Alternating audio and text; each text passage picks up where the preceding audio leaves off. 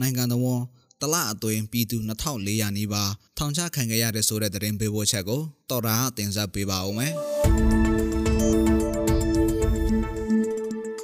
မြန်မာနိုင်ငံတော်မှာအခုနောက်ပိုင်းဒီမိုကရေစီအရေးအတွက်ကြိုးပမ်းရင်းဖန်စီထောင်ချခံရတဲ့အရေးအတွက်ပိုများလာနေတာတွေ့ရတယ်လို့လက်လာစောက်ကြည့်နေသူတွေကပြောပါတယ်။နိုင်ငံရေးအကျဉ်းသားတွေကူညီဆောက်ရှောက်ရေးအသင်း AAPP ရဲ့ထုတ်ပြန်ချက်တွေအရ ဖေဖော်ဝါရီလ3ရက်နေ့ကနေ28ရက်နေ့ထိတလအတွင်းနိုင်ငံတော်ဝန်ဖန်စီခံရတဲ့ပြည်သူ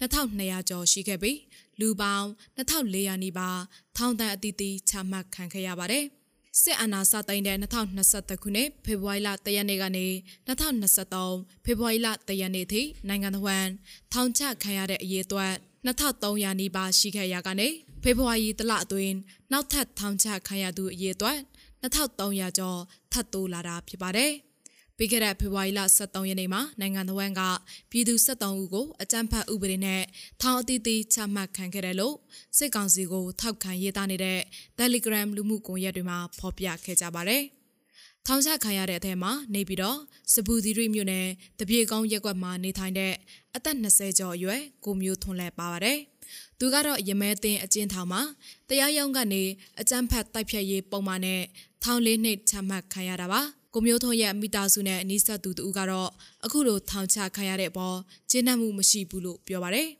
အသက်20ကျော်အရွယ်လူငယ်တယောက်ကိုဖမ်းဆီးပြီးထောင်ချလိုက်တာကနက်နက်အာကိုပြီးမိုက်တာပဲပေါ့နော်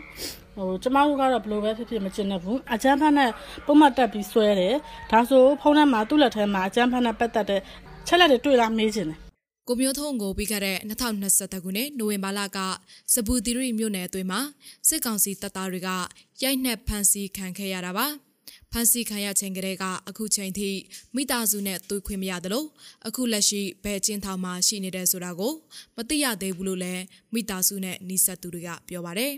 အလားတူစကိုင်းတိုင်းကန့်ဘလူးမြို့နယ်အလဲခုံရွာကအသက်20ကိုမျိုးကိုလည်းဖေဖော်ဝါရီလ23ရက်နေ့က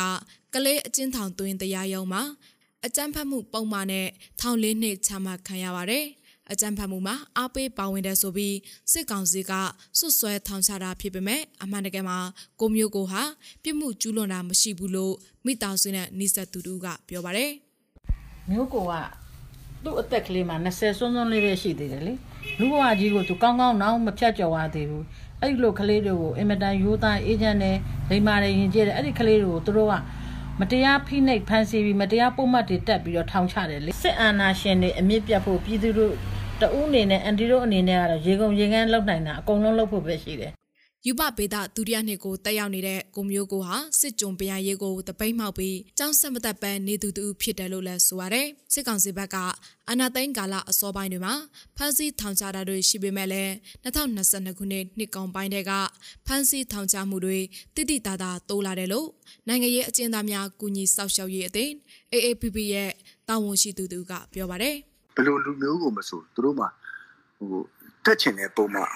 တက်လို့ရတဲ့အနေအထားမျိုးကရှိနေပေါ့နော်ဟိုဖမ်းမိပြီဆိုတာနဲ့အကုန်လုံးဒီအကြံဖက်ပုံမှန်တက်ဖို့သူတို့စပြီးတော့စူးစမ်းတယ်ကြံဖက်ပုံမှန်ကိုလည်းမရရအောင်ဟိုတက်တယ်ပေါ့နော်မှုမပေါ်ဘူးဆိုရင်တော့မှဟို3နှစ်မြင်းဆောင်34လို့ဟို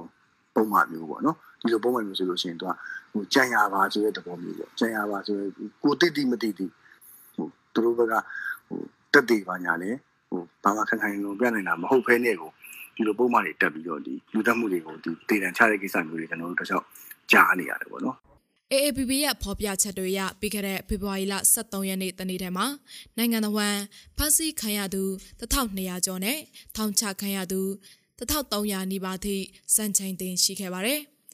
စစ်ကောင်စီကတော့အချိန်နှစ်နှစ်အတွင်းနိုင်ငံတော်ဝန်အကျဉ်းထောင်အသီးသီးကနေလွတ်ငြိမ်းချမ်းသာခွေ၄ချိန်တာပေးခဲ့တယ်လို့နိုင်ငံပိုင်သတင်းမီဒီယာတွေကနေထုတ်လွှင့်ထားပါတယ်။ဒါပေမဲ့ပြန်လို့တဲ့အထက်မှာရာဇဝတ်အကျဉ်းသားတွေသာအများဆုံးပါဝင်ပြီးစစ်ကောင်စီကိုစန့်ကျင်ရင်ထောင်ချခံရတဲ့နိုင်ငံရေးအကျဉ်းသားတွေကတော့အ ਨੇ အကျဉ်းလောက်တာပါတာတွေ့ရတယ်လို့လေလာစောက်ကြည့်နေသူတွေကပြောပါရယ်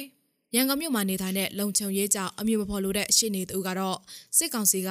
2023ခုနှစ်ဩဂုတ်လမှာအကြမ်းဖက်ဥပဒေကိုပြင်ဆင်ပြီးနောက်ပိုင်းအမှုတစ်ခုတည်းကိုအကြမ်းဖက်ဥပဒေပုံမှန်နဲ့အကြိမ်ကြိမ်ဆွဲဆိုနေတာတွေ့ရတယ်လို့လည်းပြောပါရယ်။ဆက်ဆက်နှစ်ပေါ့နော်ဇွန်လ30မတိုင်အထိတော်တော်များများကိုဘာနဲ့လဲဆွဲတယ်ဆိုရတတိပုံမှန်ကငါးနဲ့ဆွဲ2021အခုက14ရက်နေမှာဆိုတော့အကျန်းတော်မူတိုက်ခိုက်ဥပဒေကိုပြင်ဆင်လို့ဥပဒေဆိုဥပဒေကိုပြင်လာတယ်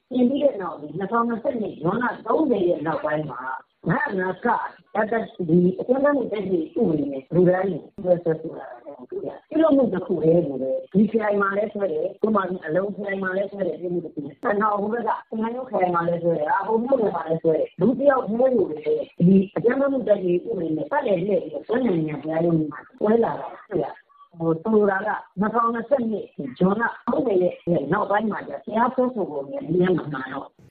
1983ခုနှစ်စကရက်များနဲ့အသိပ္ပံဖွေဆိုရေးဥပဒေပုံမှန်20မှာပြုလုပ်မှုဒါမှမဟုတ်ပြက်ကွက်မှုတစ်ခုခုဟာဥပဒေ2ရက်ဒါမှမဟုတ်2ရက်ထပ်ပိုတဲ့ဥပဒေတွေရ